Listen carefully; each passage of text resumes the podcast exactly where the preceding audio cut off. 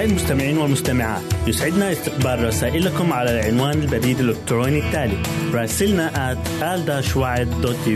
مرة أخرى بالحروف المتقطعة r a s i l n a at a l شرطة w a a d dot tv منتظرين رسائلكم.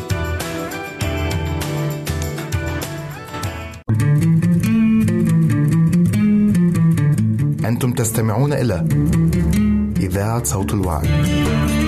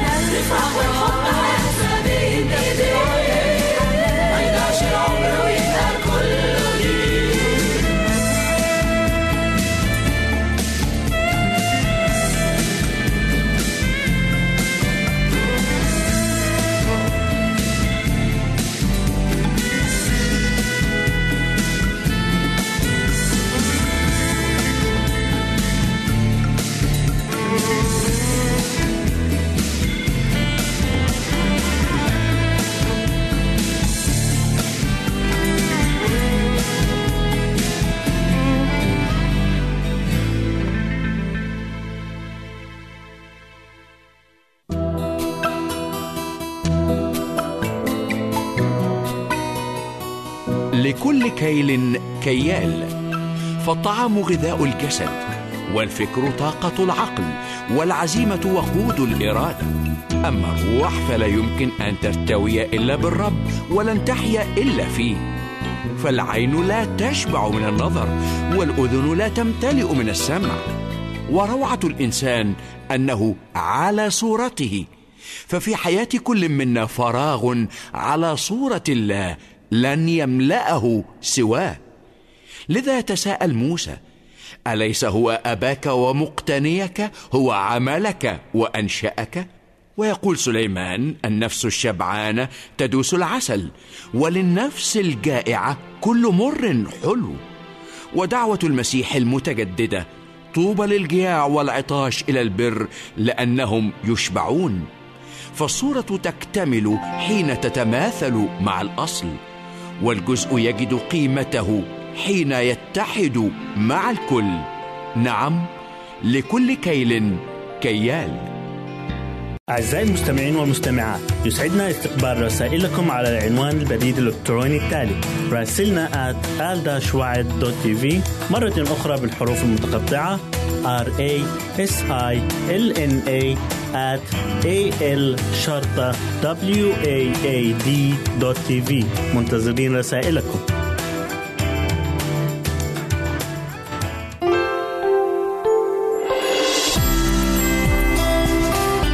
هنا إذاعة صوت الوعد. لكي يكون الوعد من نصيبك. يمكنك استماع وتحميل برامجنا من موقعنا على الإنترنت www.awr.org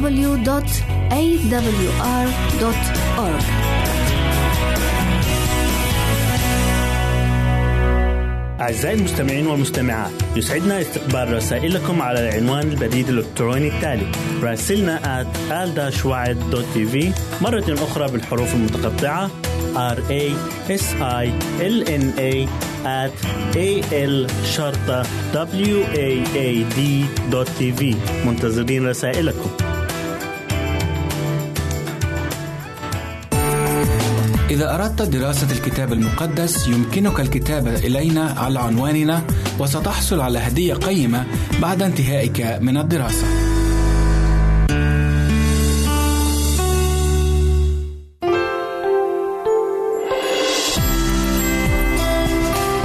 هنا إذاعة صوت الوعد. لكي يكون الوعد من نصيبك. أهلا وسهلا بكم أحبائي المستمعين والمستمعات في حلقة جديدة من برنامجكم في طريق الجلجثة. حلقة اليوم بعنوان أمام حنان رئيس الكهنة. قراءتنا المقدسة مأخوذة من إنجيل يوحنا إصحاح 18 وسنقرأ بعض الأعداد منه. ثم أن الجند والقائد وخدام اليهود قبضوا على يسوع وأوثقوه ومضوا به إلى حنان أولاً لأنه كان حمى قيافة الذي كان رئيسا للكهنة في تلك السنة.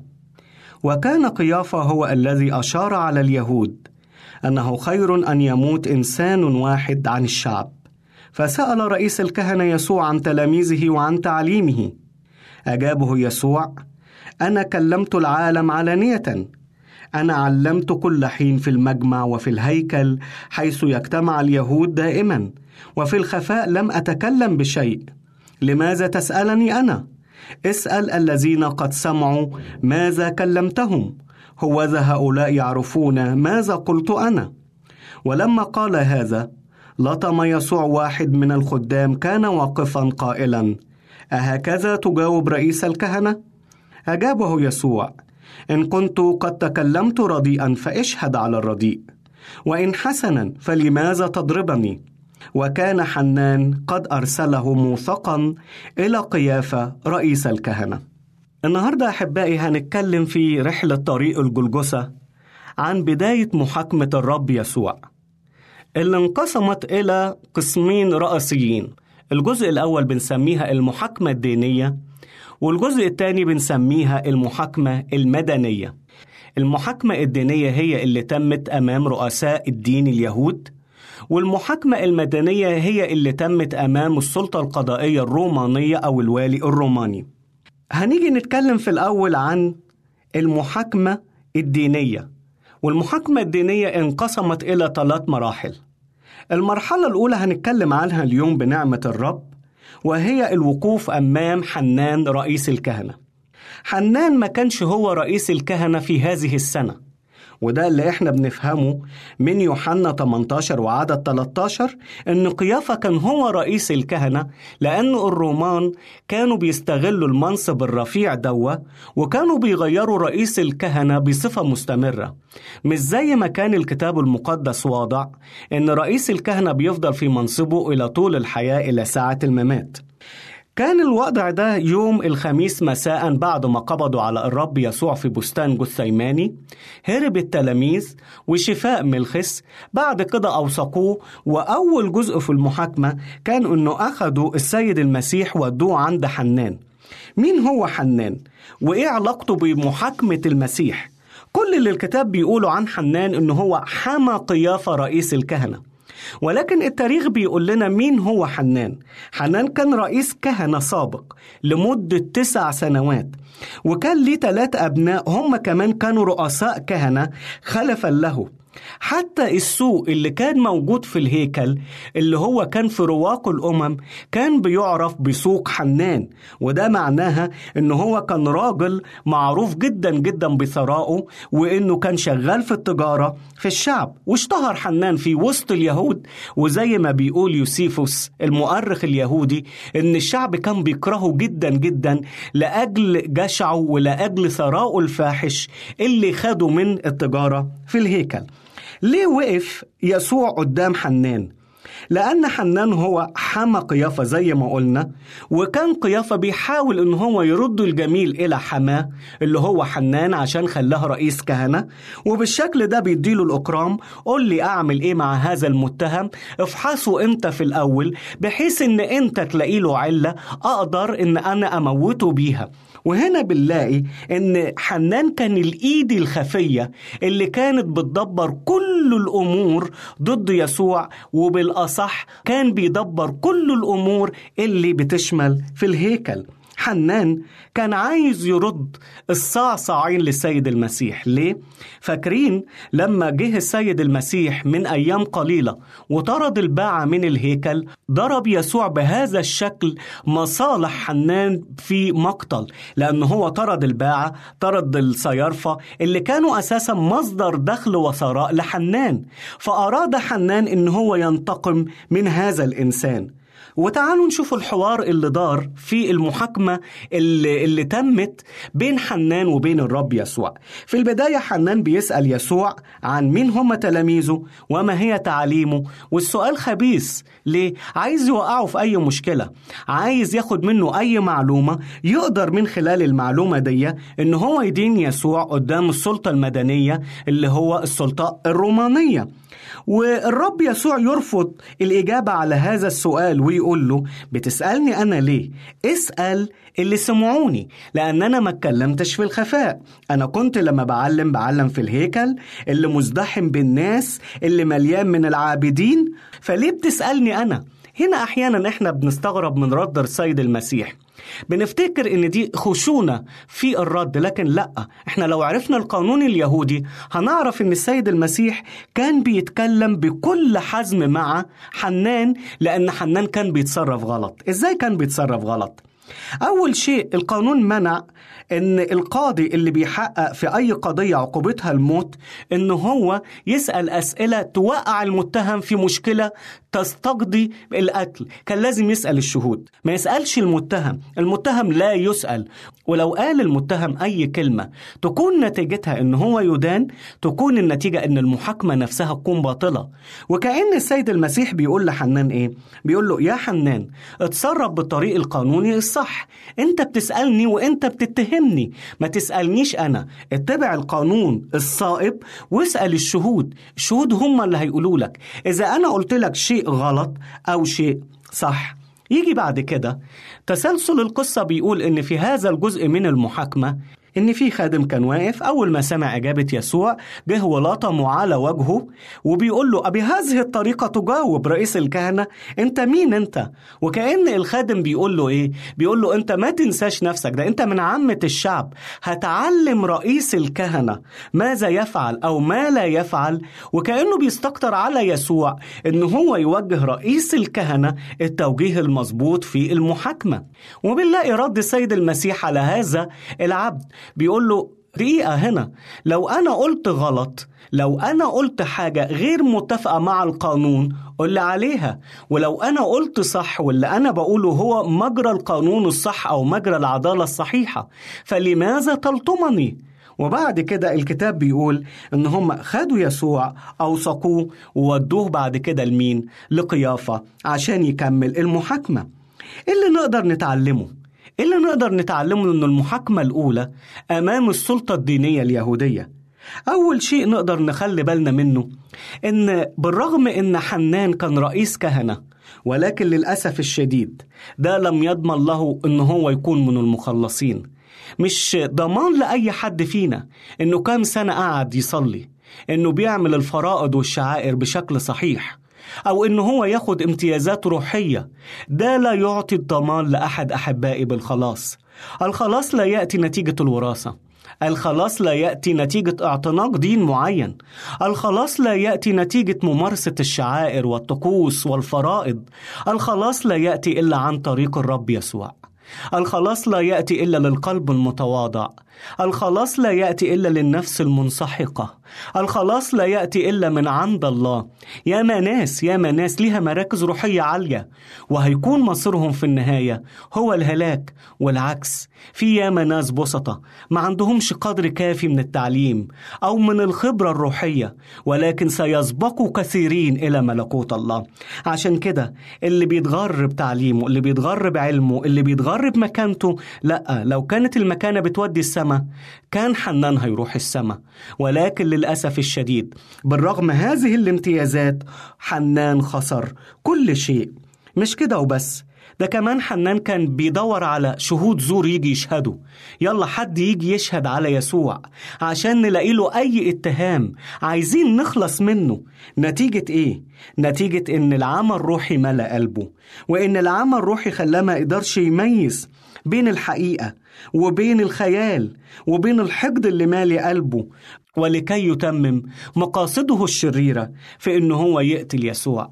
أحبائي حنان هو مثال لكل شخص منا. حنان هو مثال لكل شخص بيعتمد على إمكانياته بيعتمد على شهادته العلمية أو مكانته الاجتماعية أو الأعمال الخيرية اللي بيقوم بيها. كل هذه الأشياء لا تضمن لك الخلاص. الشيء الوحيد اللي يضمن ليك الخلاص إنك تيجي دلوقتي ليسوع. الشيء الوحيد اللي يضمن ليك الخلاص إنك تيجي تقول له يا رب أنا خاطي. أنا محتاج إليك. نور لي عيني. افتح لي عيني. خليني أعرف إرادتك. خليك يا رب جوايا. هات روحك القدوس يملى حياتي. يغمرني. هو ده الطريق الوحيد اللي يضمن ليا وليك إن إحنا نعيش مخلصين. أحبائي هل حد فينا سأل نفسه لماذا لطم يسوع؟ لماذا وقف أمام مجلس السنهدريم اليهودي ليحاكم على أخطاء لم يفعلها؟ لماذا وهو البريء البار وقف كمتهم؟ هل سألت نفسك لماذا احتمل يسوع كل تلك الإهانات التي لا يستحقها؟ الإجابة هي إنه الحب نعم الحب الذي دفع يسوع ليحمل عاري وعارك ويعامل كأشر المجرمين وأخطرهم. إنه يسوع الذي أخذ مكاني ومكانك وأعطانا مكانته التي لا نستحقها نحن. فتعال له الآن وإقبله مخلصا وفاديا على كل حياتك. آمين. ترنيمة النهاردة أحبائي بتقول يا من قبلت قيودي يا من سعيت إلي إليك أهدي حنيني من أجلك يا ولدي أتيت. يا من لطمت خدودي. يا من ثقبت يداي. إليك أهدي حنيني. لماذا يا ولدي عصيت؟ وإحنا بنسمع هذه الترنيمة. خلي صوت ربنا يدخل في قلوبنا ونقبله ولا نلطمه أو نثقب يداه بخطايانا مرة أخرى بل نعطيه كل القلب وكل الحياة. سعدت أحبائي بوجودي معكم على أمل اللقاء في حلقة أخرى من برنامجكم في طريق الجلجثة سلام الرب معكم وإلى اللقاء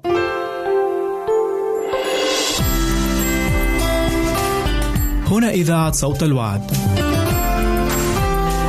لكي يكون الوعد من نصيبك. يمكنك استماع وتحميل برامجنا من موقعنا على الإنترنت www.awr.org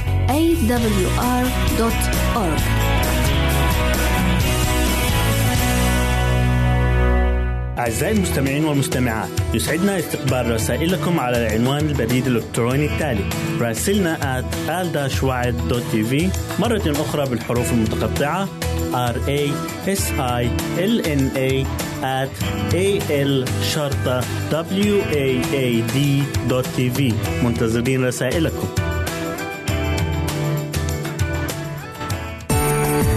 إذا أردت دراسة الكتاب المقدس يمكنك الكتابة إلينا على عنواننا وستحصل على هدية قيمة بعد انتهائك من الدراسة.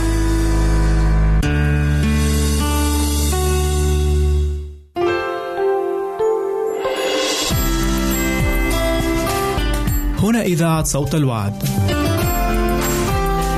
لكي يكون الوعد من نصيبك.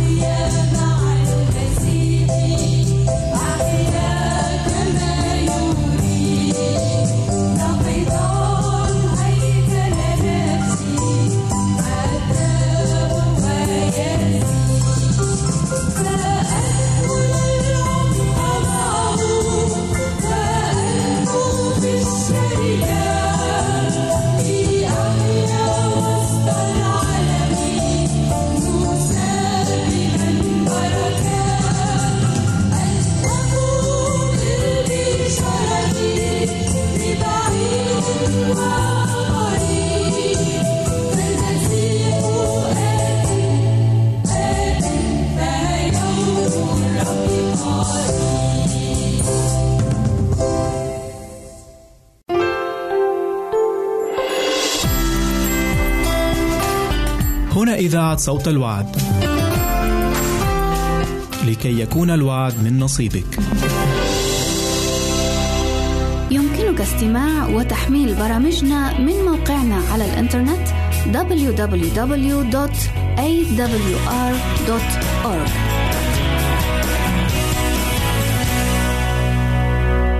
أعزائي المستمعين والمستمعات يسعدنا استقبال رسائلكم على العنوان البريد الإلكتروني التالي راسلنا at مرة أخرى بالحروف المتقطعة r a s i l n a at a l شرطة w a a d منتظرين رسائلكم.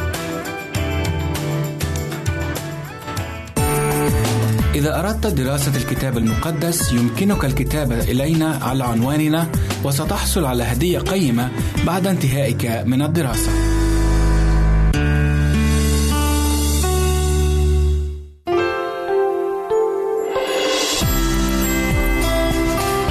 هنا إذاعة صوت الوعد. لكي يكون الوعد من نصيبك.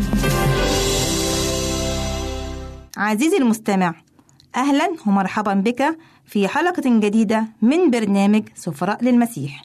ما أسعد الحياة حينما يعيش الفرد في وسط أحبائه وأصدقائه، فينعم بمحبتهم وعطفهم. ولكن هل يمكن للحياة أن تسير على وتيرة واحدة؟ وهل يمكن أن يبقى الإنسان مع أحبائه مدى الدهر؟ لذلك حلقة اليوم بعنوان فراق ولقاء ابقوا معنا لو أمعنا النظر في مجتمعنا الذي نعيش فيه. لوجدنا أن بعض الناس يودعون أشخاصا والبعض الآخر يستقبلون أشخاصا. وذلك بهدف السفر أو الدراسة أو العمل. وعادة ما يكون الفراق لفترة معينة ومحددة من الزمن. فيكون شعورهم بفراق هؤلاء الأشخاص مؤلما جدا بالنسبة لهم. هذه هي سنة الحياة. ولكننا نجد أن من أصعب وأشد لحظات الفراق هي تلك اللحظات التي يفارق فيها الإنسان أصدقائه أو أحبائه للأبد وذلك في لحظة الموت. في هذه الفترة بالذات يكون الإنسان في أشد الحاجة إلى كلمات التعزية والمواساة أكثر من أي وقت آخر. يروي لنا الكتاب المقدس في إنجيل لوقا والأصحاح السابع قصة عن امرأة أرملة. كان لها ابن وحيد وكان هذا الابن هو أعز إنسان لديها في الحياة. وذات يوم مات هذا الابن الحبيب. فتحطم قلب هذه المرأة الأرملة فبكته بكل حسرة وبكل ألم. وبينما كان الناس يشيعون هذا الابن إلى مسواه الأخير لكي يدفن كانت هذه المرأة تبكي وتنتحب بمرارة وألم شديدين على ابنها الغالي الذي فقدته بالموت. في تلك اللحظة كان يمر السيد المسيح ومعه تلاميذه فرأى هذا المشهد المؤلم والمحزن. وأيضا ورأى أيضا الجمع الكثير الحزين الذي كان يسير بموكب هذه الجنازة المحزنة. لقد رأى السيد المسيح منظر الأم الأرملة الحزينة وهي تنتحب بمرارة على ولدها المتوفي. فتحنن عليها السيد المسيح وحاول أن يعزيها فقال لها لا تبكي. ثم تقدم ولمس النعش فوقف الحاملون فقال أيها الشاب لك أقول قم. فجلس الميت وابتدأ يتكلم. فدفعه إلى أمه فأخذ الجميع خوفا ومجدوا الله قائلين قد قام فينا نبي عظيم وافتقد الله شعبه وخرج هذا الخبر عنه في كل اليهودية وفي جميع القرى المحيطة. إنجيل لوقا أصح 7 عدد 13 ل 16 عندما نتأمل في هذه القصة نلاحظ حال هذه المرأة الحزينة.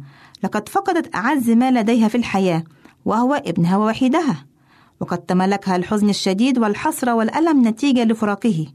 ولا شك أن كثير من الناس الذين كانوا حاضرين لتوديع هذا الابن حاولوا أن يعزوها بعبارات عديدة كتلك التي نستعملها في مثل هذه المناسبات. مثل البقية في حياتك أو العمر الطويل لك أو حتى بكلمة الرب يعزيك. لكن بالرغم من هذه العبارات المعزية جدا إلا أنها لم تخفف من حدة الصدمة على هذه الأرملة الحزينة. في تلك اللحظة القاسية برز من بين الجمع شخص يختلف عن بقية الأشخاص. يختلف في شخصيته وفي قدرته وفي عظمته وفي قوة حنانه ومحبته. إنه شخص السيد المسيح.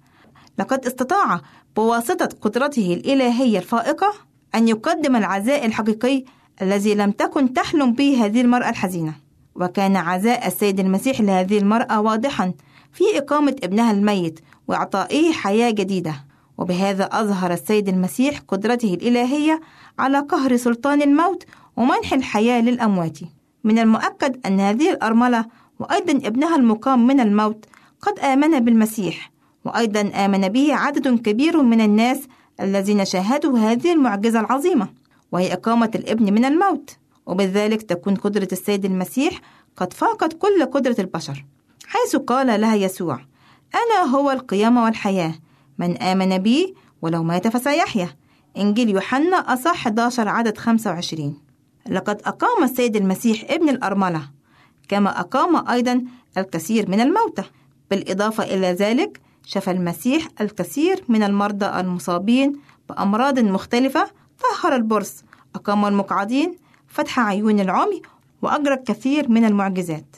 عزيزي المستمع لقد أجرى السيد المسيح كل تلك المعجزات لا لكي يظهر نفسه أمام الناس كصانع عجائب بل لكي يظهر محبته لكل الناس وأيضا لكي يتمجد الله بواسطة أعماله وعجائبه.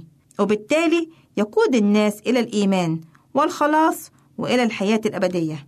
لذلك عزيزي المستمع يدعونا السيد المسيح إلى الإيمان والخلاص من قيود الشر والخطية.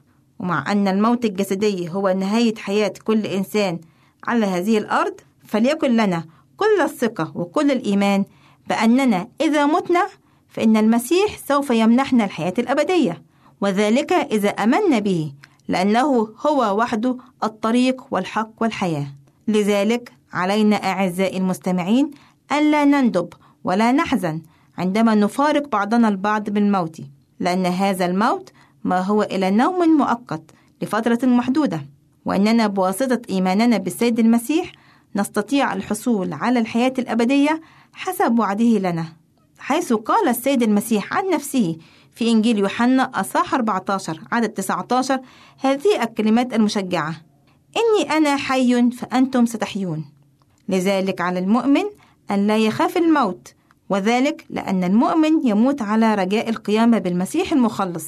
فيكون ذلك الفراق فراقا مؤقتا وبالتالي سوف يتبع هذا الفراق لقاء مع السيد المسيح في الملكوت وإلى اللقاء أعزائي المستمعين في حلقة جديدة من برنامج سفراء للمسيح كانت معكم في هذا اللقاء ودت المجريسي الرب معكم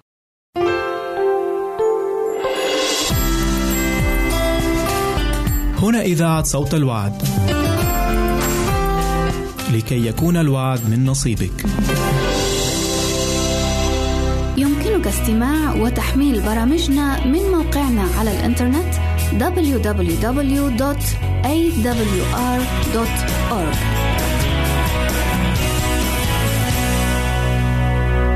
أعزائي المستمعين والمستمعات يسعدنا استقبال رسائلكم على العنوان البريد الإلكتروني التالي راسلنا at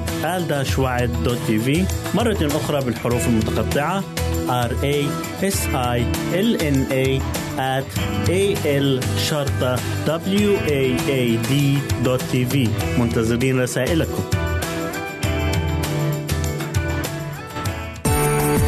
إذا أردت دراسة الكتاب المقدس يمكنك الكتابة إلينا على عنواننا وستحصل على هدية قيمة بعد انتهائك من الدراسة.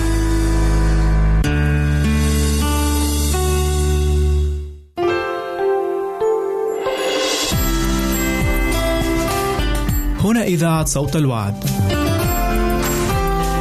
لكي يكون الوعد من نصيبك.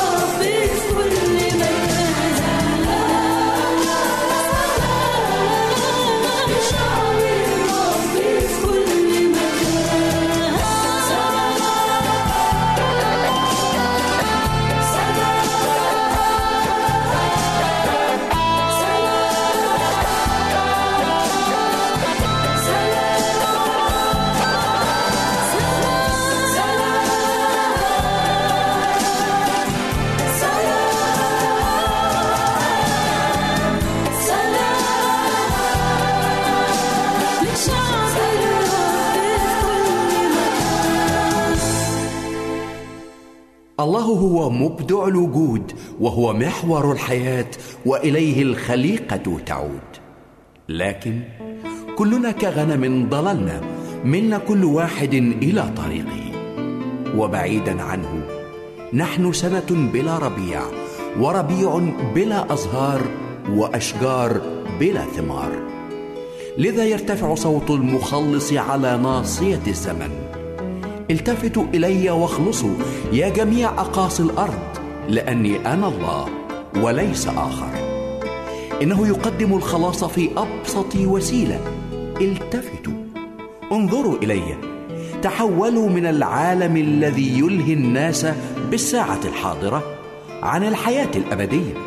ويصرف الإنسان باللذة الخادعة عن التقوى والنقاوة الحقيقية. والشيطان يبيعه البركة الباقية بالمتعة الفانية ويسلبه زهرة الشباب والفضيلة ليكرمه بالفشل والرذيلة. لذا قال الرب التفتوا إلي واخلصوا يا جميع أقاصي الأرض لأني أنا الله وليس آخر. التفتوا هذا هو الخلاص في أبسط وسيلة.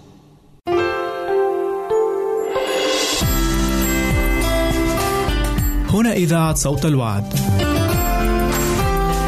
لكي يكون الوعد من نصيبك. يمكنك استماع وتحميل برامجنا من موقعنا على الإنترنت www.awr.org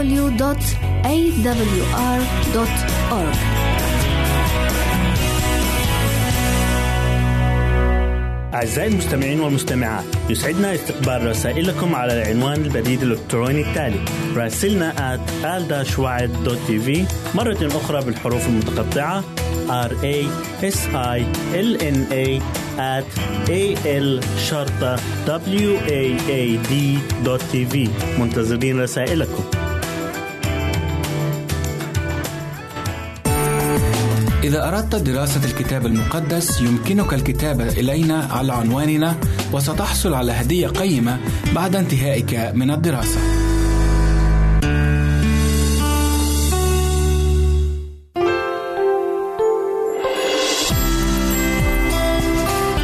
هنا إذاعة صوت الوعد. لكي يكون الوعد من نصيبك.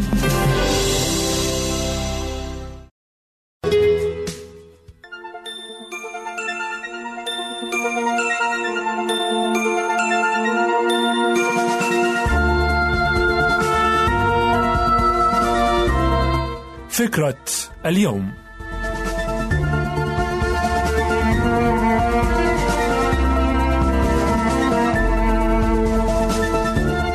حكمة النملة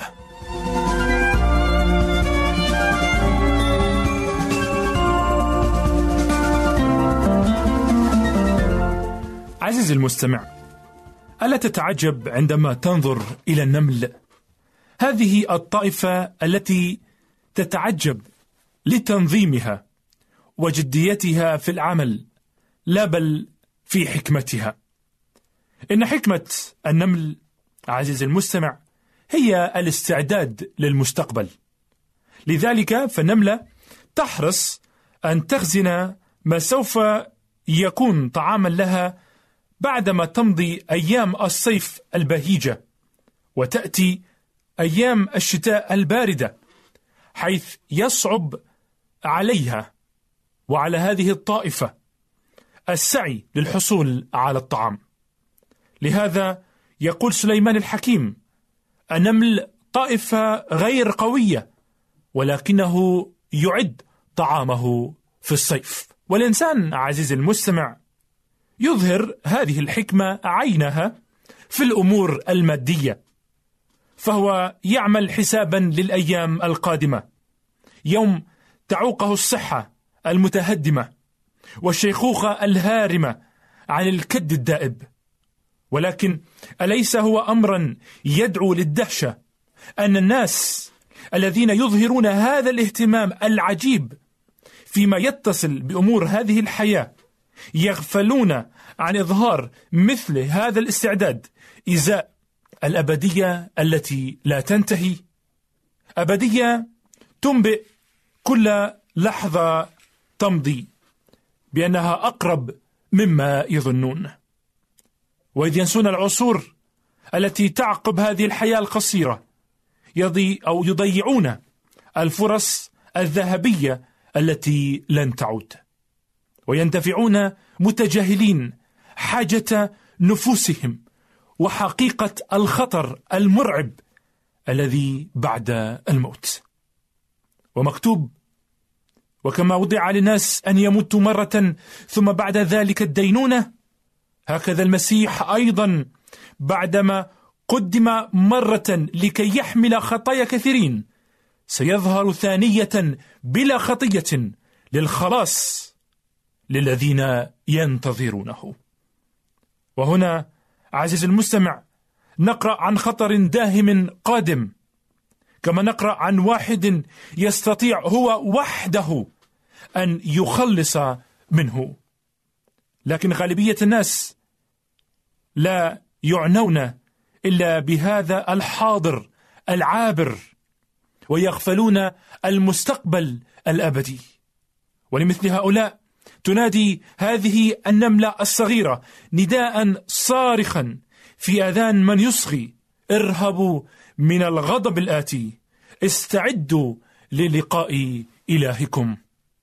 إن نملة عزيزي المستمع ما هي إلا كارز وواعظ ومرشد وخطيب عملي أيضا لأنها تعمل وتعلم بالعمل. فإذ ترفض أن تفلت من يديها ساعات الصيف الذهبية كما يفعل العابثون من الناس الذين يضيعون شبابهم دون أن يتهيأوا للأبدية. فإنها بكل أمانة تستغل الحاضر للمستقبل.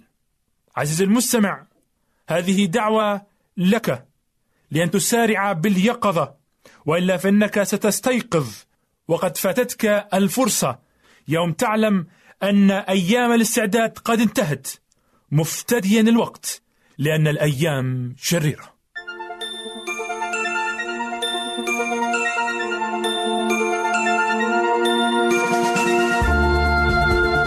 رافقكم منير سلام من وراء الميكروفون في فكرة اليوم وإلى اللقاء مع فكرة جديدة وليكن الرب معكم.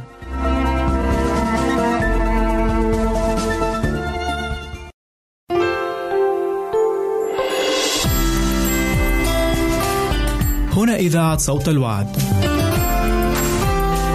لكي يكون الوعد من نصيبك. يمكنك استماع وتحميل برامجنا من موقعنا على الإنترنت www.awr.org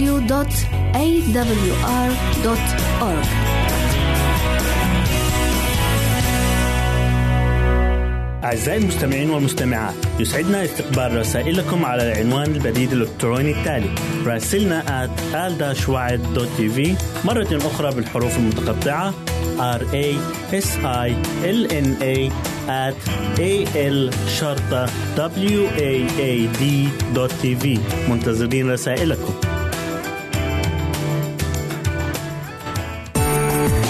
إذا أردت دراسة الكتاب المقدس يمكنك الكتابة إلينا على عنواننا وستحصل على هدية قيمة بعد انتهائك من الدراسة.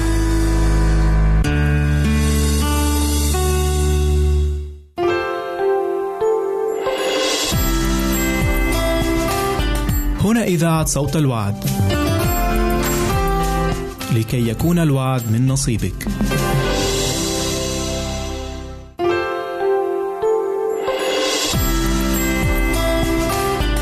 هنا إذاعة صوت الوعد. لكي يكون الوعد من نصيبك.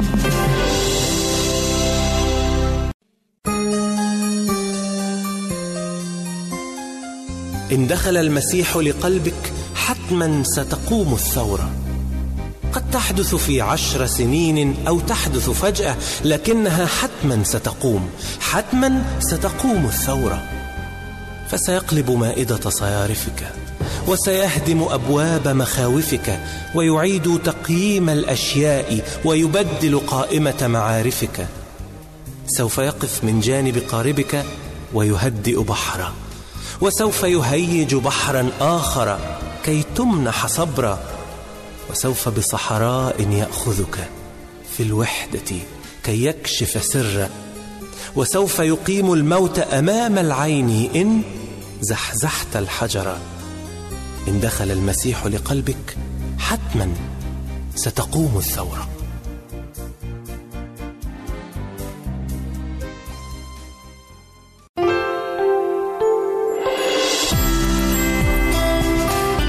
هنا إذاعة صوت الوعد.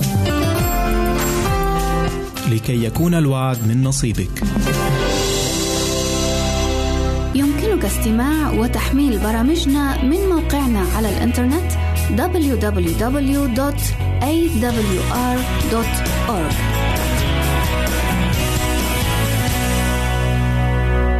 أعزائي المستمعين والمستمعات يسعدنا استقبال رسائلكم على العنوان البريد الإلكتروني التالي راسلنا at مرة أخرى بالحروف المتقطعة r a s i l n a at a l شرطة w a a d tv منتظرين رسائلكم إذا أردت دراسة الكتاب المقدس يمكنك الكتابة إلينا على عنواننا وستحصل على هدية قيمة بعد انتهائك من الدراسة.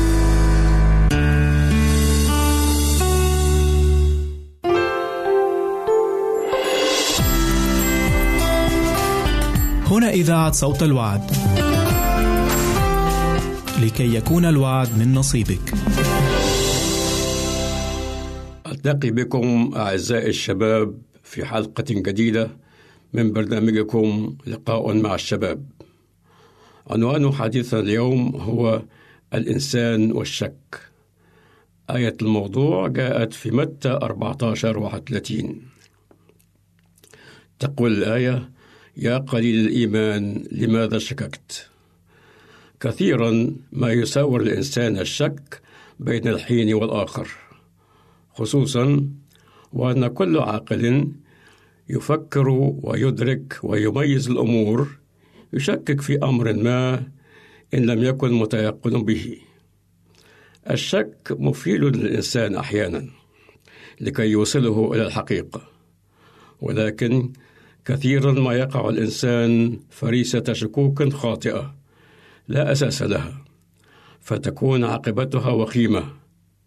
فكم من رجل يشك في محبة أخيه له وكم من زوج يشك في سلوك زوجته الأمينة وكم من زوجة تشك في إخلاص ووفاء زوجها المحب لها وكم من رب عمل يشك في إخلاص موظفيه الأمناء وهكذا. الشك هو عكس اليقين ويأتي نتيجة الارتياب أو الوسوسة أو ضعف الثقة. والشك ليس محصورا بفئة معينة من الناس بل يساور كل إنسان في حياته حتى الأنبياء والرسل والقديسين. فعندما نطالع الكتاب المقدس نلاحظ أن الناس كثيرا ما شكوا بيسوع وتساءلوا فيما إذا كان هو حقيقة المسيح المرسل من الله أو المسيح المنتظر كما أن بعض أتباع المسيح أنفسهم شكوا في معلمهم. ومن بين هؤلاء الأشخاص أحد تلاميذه واسمه توما. شك توما في سيده بعد أن كان مؤمنا به ووفيا له. عندما كان يسوع يعلم كلمة الله ويدعو الناس إلى التوبة والإيمان. أخبرهم أنه سيتألم ويموت فداء عن الخطاة وأنه في اليوم الثالث سيقوم من الموت. وبما أن قيامة المسيح من الموت كانت شيئا غير عادي فقد انذهل الكثيرون من الناس لأنه لا يوجد أي إنسان مات وقام سوى من أقامه يسوع المسيح. أو أقيموا بمعجزة إلهية. لذلك فقد صدق فريق من الناس قيامة المسيح من الموت بينما شك فريق آخر بأمر القيامة. ظانا أنها ليست أكثر من قصة خيالية ولكن السيد المسيح لم يرد أن يترك أمر القيامة مجالا للشك لأنه موضوع هام جدا ترتكز عليه أهم دعائم الديانة المسيحية. وكما يقول الكتاب المقدس في هذا الصدد إن لم يكن المسيح قد قام فباطلة كرازتنا وباطل أيضا إيمانكم. كورنثوس الأولى 15 14 ولهذا فقد أظهر المسيح ذاته بعد قيامته لكثيرين من الناس ولأتباعه أيضا ليبدد كل شك حول قيامته. ومن بين الذين ظهر لهم يسوع تلاميذه الذين كانوا مختبئين بسبب الخوف الذي كان يهددهم على أيدي اليهود. فبينما كان الأبواب مغلقة ظهر لهم يسوع ووقف في الوسط وقال سلام لكم. يوحنا 20 19 ثم أراهم يديه وأثار المسامير فيها. وجنبه المطعون بالحربة. ففرح التلاميذ إذ رأوا الرب. وقال لهم يسوع مرة ثانية سلام لكم. كما أرسلني الآب أرسلكم أنا. يوحنا 20 21 أما توما أحد تلاميذ الاثنى عشر فلم يكن مع بقية التلاميذ عندما ظهر لهم يسوع. وعندما حضر قال التلاميذ له بأنهم رأوا الرب يسوع المقام من الأموات. لكنه لم يصدق. فقال لهم إن لم أبصر في يديه أثر المسامير وأضع إصبعي في أثر المسامير وأضع يدي في جنبه لا أؤمن. يوحنا 20 25 بعد تلك الأيام جاء يسوع في وسط تلاميذه وخاطب توما وقال له هات إصبعك إلى هنا وابصر يدي وهات يدك وضعها في جنبي ولا تكن غير مؤمن بل مؤمنا. قد نغضب على توما لأنه شك في المسيح مع أنه صار وراءه منذ مدة طويلة وسمع تعليمه ورأى عجائبه. ولكن حال توما لا يختلف كثيرا عن حالنا نحن. هل فكرنا يوما بموقفنا نحن مع المسيح؟ قال المسيح لتوما لأنك رأيتني يا توما آمنت. طوبى للذين آمنوا ولم يروا. يوحنا 20 29 فإذا كنا من ضمن المطوبين الذين آمنوا ولم يروا علينا ألا ندع الشك يساور نفوسنا لأن مسيحنا المقام هو حي وهو معنا دائما ويملك على قلوبنا. قال يسوع إني أنا حي فأنتم ستحيون. يوحنا 14 19 ويقول الكتاب المقدس ولكن الآن قد قام المسيح من الأموات وصار بكورة الراقدين. فإنه إذ بالموت بإنسان بإنسان أيضا قيامة الأموات. لأنه كما في آدم يموت الجميع هكذا في المسيح سيحيا الجميع. كورنثوس الأولى 15 20 ل 22 عزيزي الشاب لا تدع مجالا للشك ليفسد حياتك وعلاقتك مع الآخرين ولا سيما مع الرب يسوع المسيح مخلص حياتنا وفادي نفوسنا والرب معكم. نصلي. أيها الرب يسوع نشكرك من أجل النور الذي يشعه في حياتنا إذ نقرأ كلمتك. خلصنا يا رب من الشكوك التي تفسد حياتنا. ساعدنا لكي نثق فيك مهما واجهنا من المشاكل والضيقات لنؤمن أنك موجود. وعينك ترقب أمورنا ويدك تسيطر على حياتنا سامحنا على خطايانا وشكوكنا باسم المسيح آمين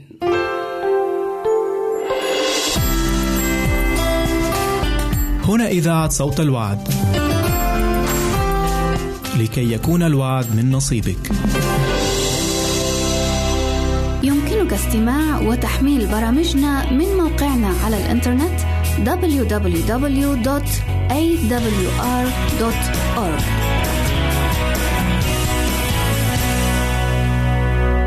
أعزائي المستمعين والمستمعات يسعدنا استقبال رسائلكم على العنوان البريد الإلكتروني التالي راسلنا at مرة أخرى بالحروف المتقطعة r a s i l n a at a l شرطة w a a منتظرين رسائلكم. إذا أردت دراسة الكتاب المقدس يمكنك الكتابة إلينا على عنواننا وستحصل على هدية قيمة بعد انتهائك من الدراسة.